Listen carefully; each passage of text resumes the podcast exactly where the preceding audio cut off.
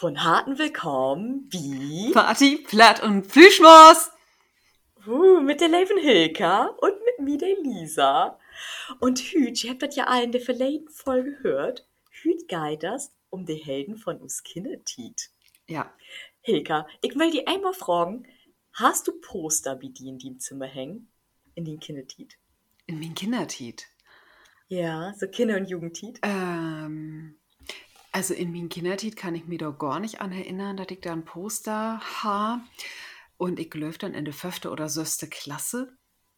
Habe ich zwei Ace of Base Poster in mein Kammer hat. Und das wäre aber eigens mehr so, dass min Freundin, die all eher ähm, Kammern mit Backstreet Boys und In Sync und ich nicht, was Poster tapeziert hat, äh, meint habt, ja, ich muss auch ein Poster abhangen.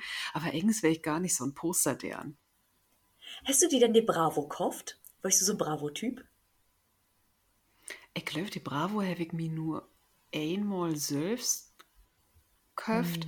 Ich weiß aber, dass ich mir früher doch mal den Mädchen gekauft habe. Das wäre auch noch so ein Oh ja, das geht das auch. Ja, das, stimmt. das auch, aber eigens habe ich mir so was Jimmers bloß gekauft, wenn da da so Extras gibt. So, weiß ich nicht, so ein, so ein Näsring oder Nagellack oder so ein Bigaf oder so. Sonst wäre das für, für mich. So ein Näsring um die Öllern-Toschon. Ja, ja, ja, ja. Oder, oder das so furchtbaren Mini-Lippenstifte oder so. Oh. Also dafür habe ich mir das gekauft. Also, also ich werde aber nicht so, nicht so mal über, nicht so crazy about it. Ich wäre eher so, ja, ich wäre ja das komische Kind. Ich hef, ich dann, ich dann diese Dinosaurierhefte abonniert hat.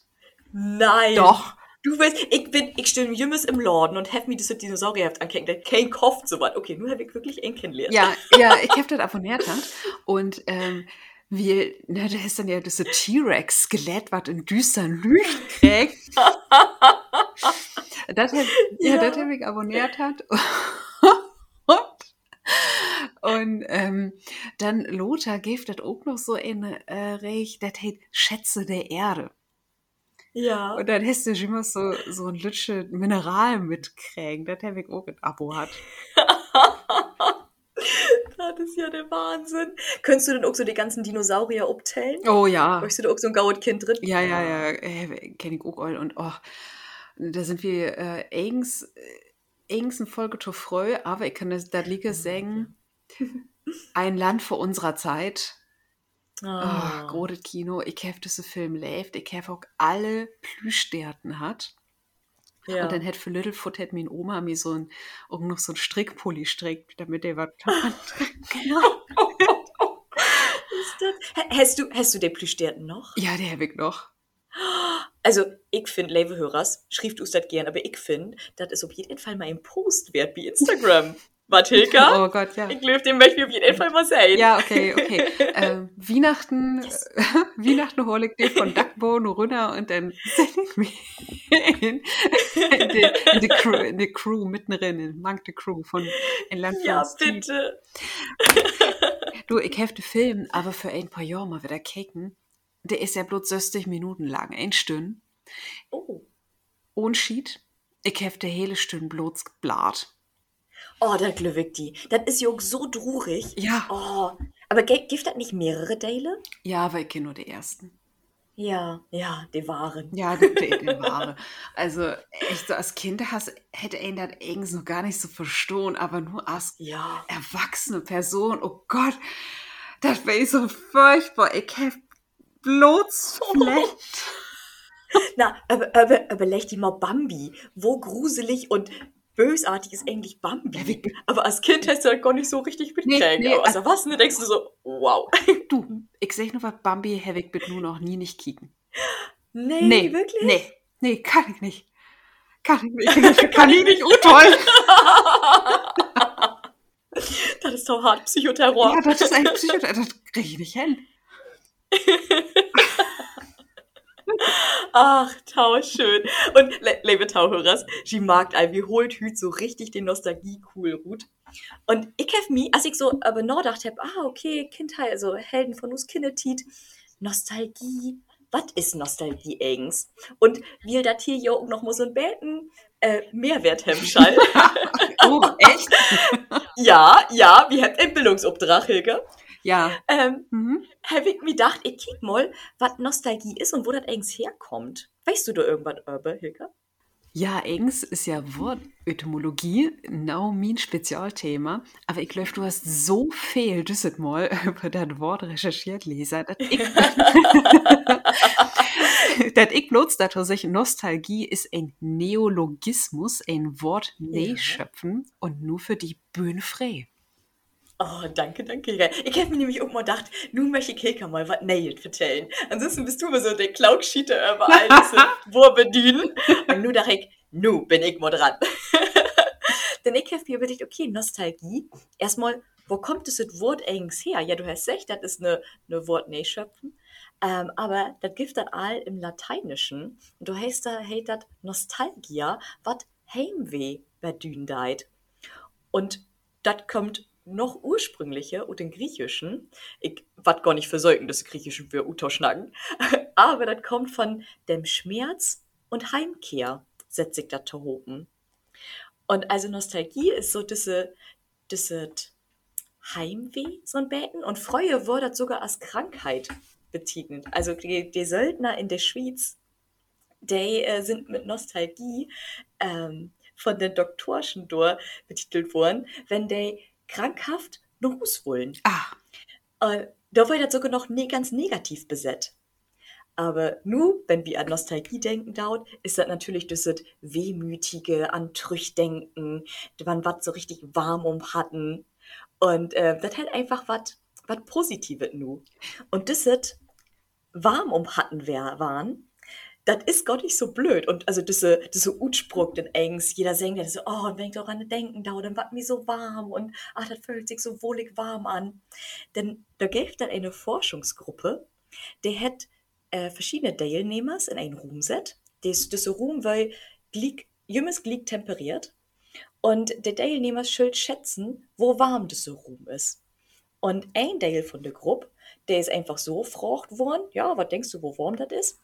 Und der andere Teil von der Gruppe ist ähm, schon über seine Kindheitserinnerungen vertellen und über die, was er in der Kindheit so mochte, was seine Helden wären.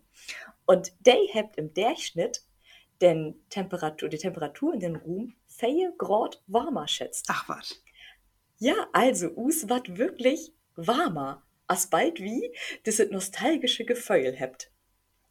Und was ich auch heel, heel spannend fand, ist, dass ähm, da werden Forscher, die haben sich acht Teilen verschiedene Kulturen ankecken, also in acht Teilen unterschiedlichen Ländern und unterschiedlichen Kulturen, habt ihr sich ankecken, ob das da auch Nostalgie geben deit. Und so gaut als alle Kulturen, so unterschiedlich die, ob die eher wären, ähm, habt ähnliche nostalgische Gefühle. Also das ist was, das uns glücklich machen deit und das jed ein von uns hat, egal wie ein obtorgen worden ist. Okay, da kann ich nur aber noch mal hier rinwerfen, was ist denn dann schon was mit der Ohlen, gen, Ohlen genatterigen Lüde schon mal sagt, ey, früher wär als Bäder. ja, ja, genau. Das ist ja, wie unser Gehirn, das äh, uns prägen, das eins positiver, also mit diesem positiven Schleier inpacken deit. Mhm. Also, wir habt immer das Gefühl von wegen, Freue, Freue wir eins Bäder, Freue wir eins Bäder. Wir us prägen sagt, ja, und das war eins so schön, das war eins so beten, wie sagt man denn das so schön, positiv durchwuschen, so dann wie all das, was, was wie denn so aus us Erinnerung beholt, das ist eins beten schön. Und manchmal trefft wie auch nicht eins Glöwen, was uns Kopf so senken deit. Oh ja, bloß nicht, bloß nicht. Ah, Mhm. okay, aber das ist dann ja eben auch interessant, dass das ähm, früher eben noch ein Wort wäre, um was zu beschreiben, was ja ein Krankheit wäre, wenn ein Süd Ja. ist. Und nur habt wir einen Wandel von der Bedüten hin zu was eigens positiv und liegt melancholisch. Ja, ja, genau, genau. Und äh, schön, ob dass du melancholisches Singen deist, denn die Forschungsgruppe hat auch gut gefunden, dass ähm, die meisten nostalgischen Gefühle an Kohlen doch kommt, wenn ein sich so ein Beten Kommodik to hopen setzen deit und dann vielleicht den Fernseher und also bei mir ist das dann meistens das dann irgendwie drei Haselnüschel für Aschen Hase. Haselnüschel. Sorry. Drei Haselnöte für Aschenbrödel. Das ist aber irgendwie auch so ein Kinderdetel. Ich weiß ja nicht. Drei Nöte für Aschenbrödel. Ja, ja. Oh Gott, sorry. 16 Level habt ihr da auch so swinische fakelige Dinken als ich oder nicht? Hm. Oh, Hilka, Hilka. Die, die sechsjährige Lisa, die hätte überhaupt nicht über Nord dachte, das irgendwie sexes Schwenk. Das ist so schön. Da war mir nur, als wäre der gerade warmer. Ja, allein diese Song. Ja, genau. Das, das war so der Taue Nostalgie. Und womit möchte wieder denn us Tauhörers hüt Fell gerade warmer füllen, Lorten? Ich glaube, wie gut noch von Dach erstmal richtig, richtig wie zurück in uns Kindertit. Und was ähm, würde ich gern über die Tit vertellen, als ein vielleicht so am Nachmittag allein in sin Kammer spielt hat oder abends vielleicht in sin Bette legen hat und noch was von ihn schlopen brug und was habt wie da hört erst das noch nicht diese Tony-Boxen, das was Kinder so von da habt oder ein Tablet hat, na, was habt wieder hat? Ah, die Kassetten. Ja, Hm. die Kassetten. Und die gibt das auch all richtig lang. Also dat, die Geschichte von der Hörspiel- und Musikkassetten, ähm, gerade so wie Europa, das ist ja das gro große Hörspiel-Verlag, das geht ruhig bis ins Jahr 1965. Oh, Ja, da, da gibt es die erste Kassette dann? ja, ja. Äh, und noch Ah. eben, das wären ähm, die Winnetou-Hörspiele. Ja. Und äh, der gibt das, oder auch, vielleicht kennst du noch äh, Huibu, das Nachtgespenst? Ja, ja, so ein Beten. Mhm. Hanni und Nanni. Und äh, dann auch in der Söbenticher, ja, da lebt das all los mit fünf Freunde, die drei Fragezeichen und, TK Ah. und TKKG. Ja. Weißt du, äh, weißt du, ein so von diesen äh, äh, Kinderkrimi-Derns? Ja, die drei Fragezeichen. Der auf jeden Fall. TKG war nicht ganz so mein Fall, aber drei Fragezeichen, ich glaube, ich habe die, ich hab die hellen Bücher gelesen von den drei Fragezeichen Kids, glaube ich, das war noch so mein Ding. Und ansonsten die Kassetten, obwohl ich sagen muss, ich finde die ganz schön gruselig manchmal. So, der Hexenwecker, der, wenn der Hexenwecker anfangen hätte, tau lachen. Oder das Hexenhandy? Ich glaube, in der Söbenticher gibt das noch kein Handy. Stimmt, dann der Hexenwecker. ja, hast recht. oh je. Fail. Oh. ja, ich bin kein Kind von diesem Tiger. Aber wenn der den Anfang hat, so gruselig tau, tau lachen und oh, ich kann wieder bannig für Jorgen, was du Büchsmarkt. Oh Mann, ja, ich muss nur was sagen. Ich habe nie nicht die drei Fragezeichen mit nur hört. Gar nicht. Gar nicht. Ich kenne keine einzige Folge davon. Oh Mann, oh Mann, oh Gott, Hilka, nun kommt das aber wirklich in die diebsten Geheimnisse hier rum. Ja, ja, ich weiß, ich habe zwei TKKG-Kassetten, hat, das hätten mir aber nicht so infungen. Ja. Ich Hast du denn eher Winne, Winnetou gehört? Nee, auch nicht. Äh, Ich Hm. wäre so ein richtiges Benjamin Blümchen, Bibi Blocksberg Ja. Kind. Und, da sind wir nochmal zurück, wie die Dinosaurier von Anfang. Das gave ein Hörspiel reich und ich weiß nicht mehr, ob das Ute Otto oder Ute Quelle-Katalog war. Das war, äh, der heißt Dino. Dino Ja. in das Land von den Saurier. Und da habe ich viele Kassetten von. Oder wäre das Weltbildkatalog? Ich weiß das nicht mehr genau.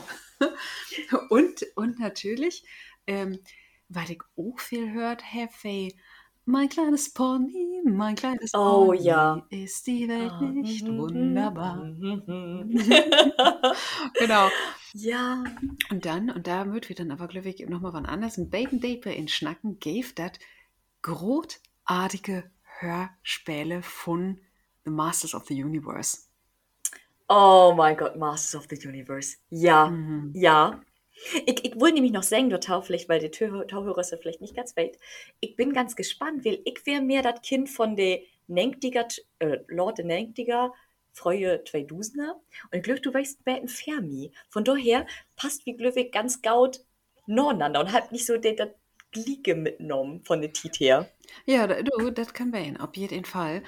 Ähm, aber, oh, oh, und was ich auch noch viel habe, wäre der kleine Vampir. Ah, Das habe ja. hab ich auch als Hörspielkassette hat und das Urmel. Urmel aus dem I. Ja, Urmel. Oh, oh, wie schön. Oh ja, das wären wunderbare Hörspielen. Ich versuche die auch schon was nochmal zu finden. Ich so auf YouTube oder so. Aber das sind, also das, was ich da nur finde, das sind so, ich weiß nicht, so nee, inschnackte Hörspiele. Das Ja. sind nicht die Originale von der Augsburger Puppenkiste. Aha. Wo du so secht hast, Benjamin Blümchen. Mhm. Hilke, hast du Lust auf ein Cotton-Quiz? Oh Gott, ja. Um Benjamin Blümchen, wo gaut du die Utgender ist mit Benjamin Blümchen? Oh Gott, nu, nu, äh, nu war das. Ja, hart. ja. Okay, na komm, leg, leg mal los, bitte. Mhm. No pressure. Mhm. So, was denkst du, wann ist das erste Hörspiel von Benjamin Blümchen denn auf den Markt kommen? Oh, das werde ich. Nennt, nennt dein 167? Nennt dein 177? Nennt dein 187? Dann, ich glaube, das wäre noch in derselben Ticher. Mhm. Richtig. Oh, oh, Wow. Fangt schon mal gut an. so, und weißt du denn auch, wo Benjamin mit zweiten Fernnamen haten deit? Nee. Ähm, hey, hat Kane, Bartholomäus oder Philipp? Achso, das ist nur Jimmers Mul- Multiple Choice. Das, du, wir können Jimmes Multiple Choice morgen. Dann fliegt Bartholomäus. ja, richtig. Hey, hate Benjamin Bartholomäus Blömchen. Triple, Triple B. Okay. Absolutely Mhm. dickes B. okay, das, das ist nun wirklich ein Söhnläufter. Äh, das ist nur easy. In welch ein Stadt lebt Benjamin Blümchen denn? In Neustadt. Ja, sehr geil. Aber das ist ja Und- nur nicht klar, in weg Neustadt das eigens ist. ja, denn das habe ich auch. Wo hab ich das? Das gibt Sermon 80. Ich habe das hier irgendwo irgendwie so gut gefunden. Wo fälle Neustadt das eigens geben das in Deutschland? Das muss aber, Ich- ja, muss ja in Neustadt sein mit ein Zoo. Ja, das stimmt. Dann war das schon weniger. Ja. Kein Wait, kein Wait. Und du musst ja noch Hexen geben. Ja, eben. okay, was denkst du, wie, wo fälle äh, Folgen von Benjamin Blümchen nur all? Äh, bei 130, ohne 100 oder zwischen 100 und 130? Ich glaube, über 130. Richtig. Mann, du hast einen Lobhilger. Ach, okay. Fliedbienchen. Und wo hat der erste Volk heden? Benjamin Blümchen rettet den Zoo, Benjamin Blümchen in der Schaul oder Benjamin Blümchen der erste Elefant von dat Wehr? Ich glaube, Benjamin Blümchen rettet den Zoo. Nee? Nee. Nee. Der erste Folge war wirklich Benjamin Blümchen, der Wetterelefant. Ah, okay. Da habe ich nämlich ein, ein richtig schöne Trivia gefunden, wie, wo so denn der Elfi, ähm, Donnelly. der Elfi Donnelly, genau, wo der eigens auf die Idee gekommen ist, Benjamin Blümchentau schrieben, denn ich weiß nicht, ob ich das weiß, liebe Tauhörer, der Elfi Donnelly ist die Schöpferische von Benjamin Blümchen und Bibi Blocksberg und auch Elia Eluanda, der dann Lorde gekommen ist. Aber der Elfi Donnelly ist äh, spazieren gegangen an einem Morgen und hätte in einen Kerkturm sehen, wo kein Wetterhahn drupp wäre. Und dann hätte sie sich so überlegt, Mensch, das wäre ja bannig lustig, wenn stattdessen du einfach ein Elefant sitten würde. Und so ist sie auf Benjamin Blümchen als Wetterelefant gekommen, um der Idee von Benjamin Blümchen. Und so war auch der erste Idee geboren für die erste Folge. Krass. Okay, aber voll Mhm. schöne Geschichte. Habe ich mir auch gedacht. Und was ich auch im Zuge von die, die Elfie Donnelly gefunden habe, wisst, oder wei, weißt du, mit Kane Day verheiratet wird. Nee. Auch ein Held von uns Kindheit, würde ich sagen. Ich würde sagen, von jed ein Kind. Mit Peter Lustig. Nee, echt? Ja. Ja, echt. Ach, was? ich habe mir so, wow, mind blown. Echt? Genau. Crazy. Die will mit Peter Lustig verheiratet. Der hat sich dann nicht von trennen, aber die sind oben werden. Ach, das ist ja witzig. Mega witzig. Und, äh, und hast, du das, hast du das als Kind dann auch so gemacht, so ein beiden versögt, dann auch so Hörspiele Nord zu spielen? Wenig, nee. Engs, engs gar nicht. Ich habe mit ihm Braue, ich glaube, wir haben mehr wrestelt, als Hörspiele Nord spielt, wenn ich ehrlich bin. Aber du, du hast das Mock? Ja, ich habe ja auch, ich weiß, ich glaube, ja, zwei Barbie-Kassetten hat. Und dann habe oh. ich, hab ich mit meinen Freundinnen schon mal versucht, mit uns Barbies das auch so ein beiden Nord zu spielen. Ja. Was ihr da mag, das lebt so mehr oder weniger gut, aber naja. Was ich aber so äh, durch, wenn ich zurückkicke, auch spannend finde, ist. Oh, äh, Polizei, wie die. Oh, sorry, ja, ja. Und was ich spannend finde, dass ein Tondale, aber so Hörspiele, ings erst als, ja, Grote, als erwachsene Person richtig versteht oder ob er es oh, richtig ja. witzig findet. Und mein liebstes Beispiel dafür ist Alf. Ja, oh mein Gott, Alf! Ja, das, ist so genau das, was ich meine. Alf für eigens ein Betten taufreu für mich. Ich habe das nimmes verstanden. Ich will nur, dass die Katzen fretten wohl. So, deswegen war er mir so sympathisch. ich dachte so, ja. Aber war das so, so die eine Kindertit mit Alf? Ja, und ich habe das als Kind ja nun auch nicht verstanden. Also, wie hab, ich ja. Alf gehört und habe nur gedacht so, ha! und ich kann ja im Internet super viele ähm, Alf-Hörspiele finden, so Tonor hören. Und nu ist das aber eigens erst richtig witzig, sich das anzuhören. Ja. Wie er denkt, okay, nee, das ist ein Witz, den du als Kind überhaupt nicht verstohlen. Ja, ja, so. Denkt die mal Spongebob Schwammkopf. Der ist manchmal, hörst du dir das nur als Erwachsener an und findest das so witzig, dass nur, wo könnt ihr mir das als Kind eigentlich kicken, Lordenham? Meine Alter, wieso habt ihr das mockt? ja, ich glaube, aber das ist dann eben doch, ähm, dass du als Kind eben ob Anna Sachen achtest. Du hast, ja. du hast einen anderen Humor, du ähm, findest Anna Sorgen wichtig und die Glöf, ähm, das ist aber eben auch so reizvoll, das macht das ja so interessant, diese Hörspiele oder Serien Torkiken, ähm, wenn die dann eben vordergründig Kinderthemen habt und die verhandelt, aber achtergründig durch äh, moralische, ethische und äh, ja, Streitigkeiten von Betrecken gut fördert, die ihn erst richtig verstehen ja verstehen kann, wenn ein die auch mal selbst belebt hätte oder sich damit auseinandersetzt hätte. Ja. Und das ist ja dann eigens in der Hallen für die hele Familie, ne? Ja, und das ist das Großartige. Ja. Ähm, ich glaube, darum, das gibt eben Hörspiele, die sind klar bloß für Kinder. Und so muss einen das auch sein, aber das gibt eben auch Hörspiele, die kann ihn auch als äh, erwachsene Person schon noch gut anhören oder ich meine so Alf und giftet ja auch im Fernsehen. ja, ja. Na, aber überleg dir mal die Teletubbies. Die sind ja wirklich, die Tailgruppe von den Teletubbies ist ja wirklich nur, wenn ich glaube, zwei bis vierjährige Kindes oder so. Oh. Da habt ja Erwachsene nichts von. Ja, aber, aber ich glaube nicht, dass ich als Kind so was keken habe. Ich weiß noch, dass ich mit drei Jahren all wusste, wo ich die Videorekorder bedienen muss.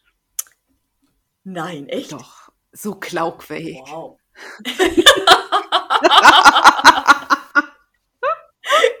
Großartig.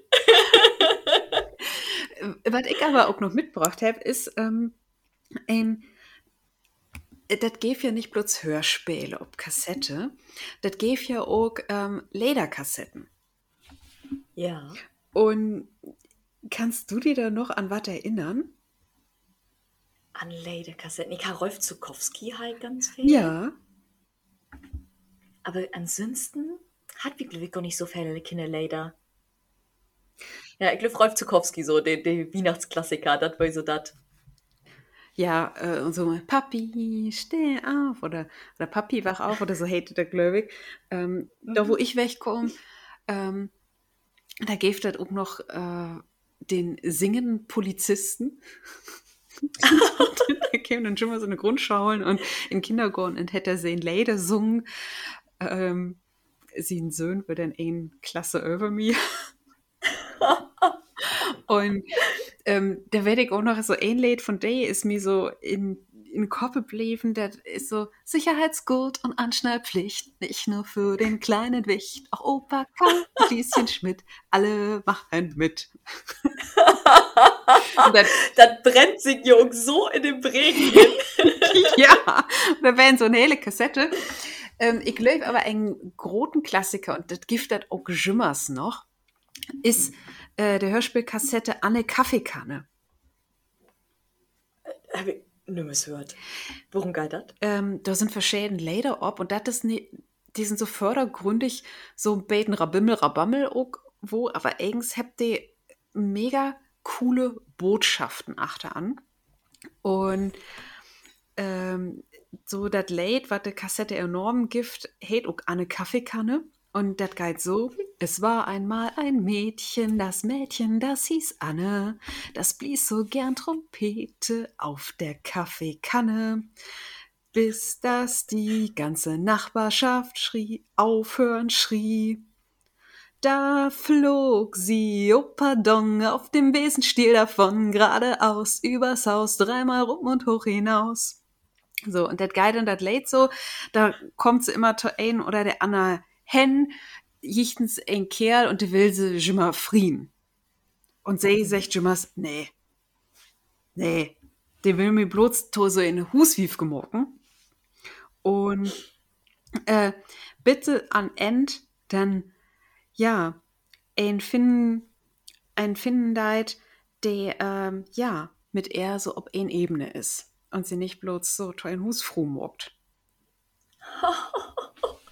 Wo Dave. Ja, Krass. und das ist mega cool und das ist der hele Kassette und das sind so locker lichte Texte, aber mega emanzipiert. Ja. Und das ist so, du singst das dann eben, singst das so als Kind und das ist eben auch super ingängig und mega, mega cool ähm, insungen und mega coole, ja, Geräusche noch der Tau. Aber die Leder, die hat dann Jimmers noch echt so einen daten Text. Und das ist auch so, dat, die sind mega ingängig und das kann ihn, finde ich, ähm, auch von Dach Jimmers noch mit anführen. Ja, ja. Das ist so witzig, wie gerade so als Kind denkst du da ja gar nicht so viel über nach. Aber das prägt ein Jahr Wissenswahl. Und ich habe nämlich, ähm, um nochmal wieder Top Benjamin durchzuleiten, eine ganz spannende Studie gefunden. Das ist von der Wissenschaftler von der Uni Kassel, ist das der ich führt worden. Und der hat gesagt, Benjamin ist eigens die typische Wutbürger. Wenn du die mal so überlegen deist, hey, mock Demos und Sitzstreiks ge äh, gegen die Politik und die Wirtschaft. Und andere Wissenschaftler Gott sogar noch wieder und sagt, dass Benjamin nicht nur taun linken Rand gehören deit, sondern anarchische Tüchet. Antifa Benjamin oder was? Ja, ja, genau. Um Demos im Sitzstreik gegen die Wirtschaft und gegen die Politik, gegen das autoritäre System und ben gegen die Presse. Benjamin Blümchen, das nähe Gesicht von der Antifa. Ja, ja, ja. das hätte uns infiltriert, jeden Abend und in Schloppen. Ja. Finde ich irgendwie witzig, als ich sehen. Ich hab da, ja, als ich gesagt habe, ich habe da als Kind nimmer über nachgedacht. Aber nur wenn ein das ein bisschen ähm, differenzierter betrachtet ich meine, ja, eigens, eigens schon. Ja, das ist so. Also, hey, lehnt sich ob. Das ist so. Das ist echt so. Genau, hey Lotte, sich morgen. Und hey ist natürlich die Universalwaffe. Hey kann, hey kann geht ein Job tun. Na klar. Sogar ohne Dooms. Mhm. ich weiß gar nicht, wo jeder morgen leid. du, aber er hätte ja sehen Rüssel. Das stimmt. Oh, das stimmt. Das stimmt. Da kann er den. Oh, und eine, eine, mhm. eine schöne Sorge habe ich noch. Was denkst du, was für eine Kleidergröße trägt Benjamin Blümchen? eine Grote? Kleidergrott, Grot.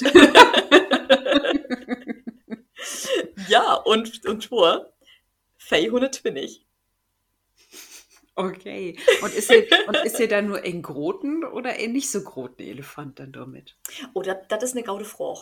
Hier ist nämlich eigens ein afrikanischen Elefant. Ich weiß nicht, sind das die Grötterin oder die Lütscherin? Das sind die Grötterin. Ja, aber dann ist er ein großer Elefant. Wow. Ja, ja, ja, ja. Crazy, Hast du denn crazy. die Uck auf, auf und Taumer wünscht, so als Bibi Hexentor können? Oh, na klar. Ja. Ach, Jümmers Wetter. Jümmers Wetter, jeden Tag ähm, hexen zu können, das wäre so richtig cool. Ja. Ja. Also, ich glaube, ich werde nicht so ob Sitzstrieg oder so gut. ähm, aber so eben Probleme bloß mit ein Hex, Hex lösen. Ja. Das wäre das wär echt cool. Baventow, ne? Baventow, Barbara. Ähm, Blocksberg ja Jimmers to Baby sagt, nee, du kannst nicht ein Problem mit Hexen lösen. Ja, ja, genau. Du hast wieder nämlich wieder ein Bäten Datebar. Weil an sich ist das mit Bibi oder mit dem Blocksparks ist das ja so ein Bäten, äh, ein Macht, dass die ja vielleicht nicht ganz so gaut allert sind, denn die Familienkonstellation ist ja, Jümmers, die Barbara ist Tauhus und die Husfru, der Bernhard bringt das Geld ran und naja, Bibi ist dann halt die Tochter. Und daher sind die nicht ganz so gaut altert mit den Rollen verteilen. Das ist eine klassische Familienkonstellation, aber ich weiß von Dach nicht mehr viele Familien, die das überhaupt so dort trecken können, weil ähm, welche Familie kann sich das eigens von Dach leisten, dass ein zu Hus blifft. Ja, ja, absolut. Also will ich auch gar nicht zu Hus blieben.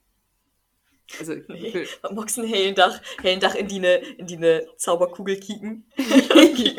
da so abgehauen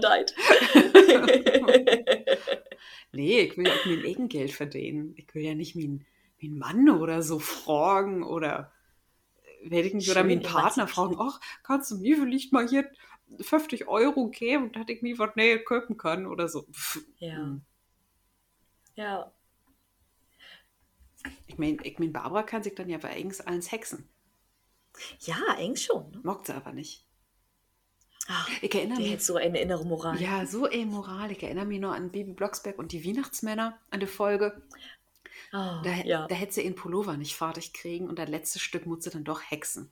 Aber das muss sie ja, weil sie hätte ja äh, die Weihnachtsmänner retten müssen. Ja, ja. Also, Ah, eine tauschöne Folge. ja, die glaube, das ist sogar eine von den bekanntesten Folgen überhaupt, Bibi Blocksberg. ja, die Die Weihnachtsmänner. jeden Tag, äh, jeden Weihnachtstag Mutti die morgens für Abstoßen schon was hören. da kommt das werde für gerade warmer. Ja. ja, dann liegt er so mugelig noch in seinem Bett bin. Und oh, nur hört ihr noch mal hier, Baby Blocksberg rettet die Weihnachtsmänner. Ah, Ja. Hm. Ach, da waren wir all auch so beiden weihnachtlich, ne? Oh, Ja. Und weißt du, was man äh, zur Weihnachten morgt? Leder singen. Ja. Uh.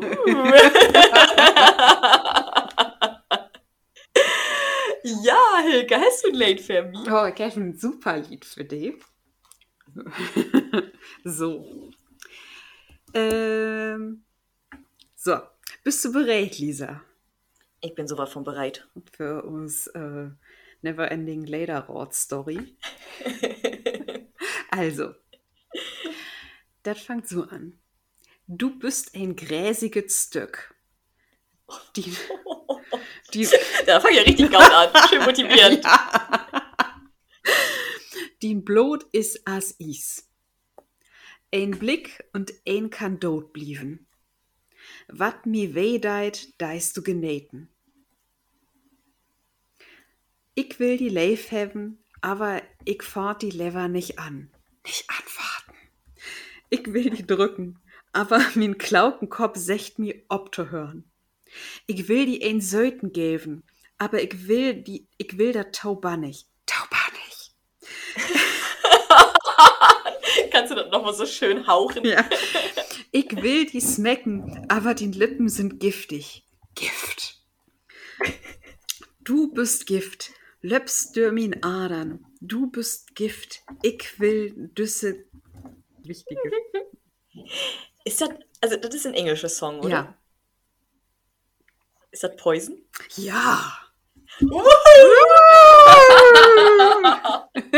Oh Mann, ey, ich hab einen Run so langsam. Ja, du hast echt gerun. Mega. Mega gut.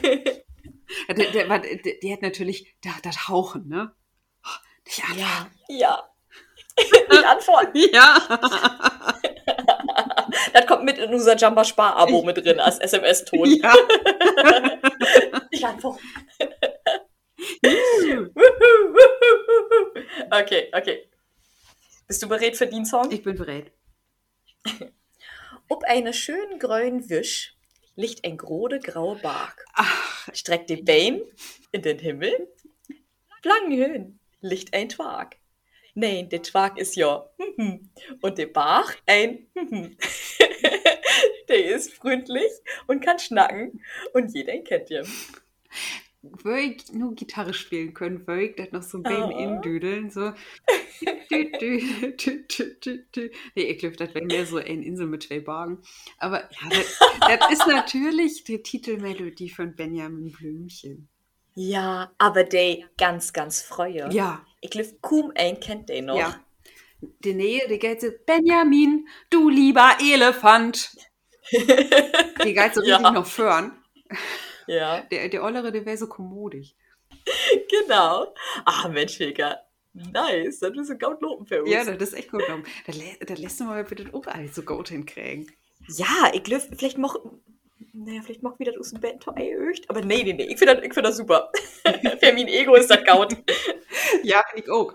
So, aber liebe Tauhörer, nun habt wie in dieser Folge so viel erstmal über Hörspiele schnackt, aber wie zwei, Lisa und ich sind ja nur auch Kinder, die mit der Kiekkasten, mit der Flimmerkiste oder was auch immer Ja. abwassen sind. Und da gibt es noch mehr Helden und uns Kind hate. Oh ja, und noch viel, viel mehr Nostalgie. Darum, Breiterdruck. ja, das schnackt in die nähe Folge über. Also, das gaut im Leben. Und hört doch noch mal so von Inschloppen, Vivi oder Benjamin. Das ist das Schönste, was einen sich fühlen kann. oder die drei Fragezeichen. Ohne Date. Also, Ciao. tschüss. Auf das Gaut.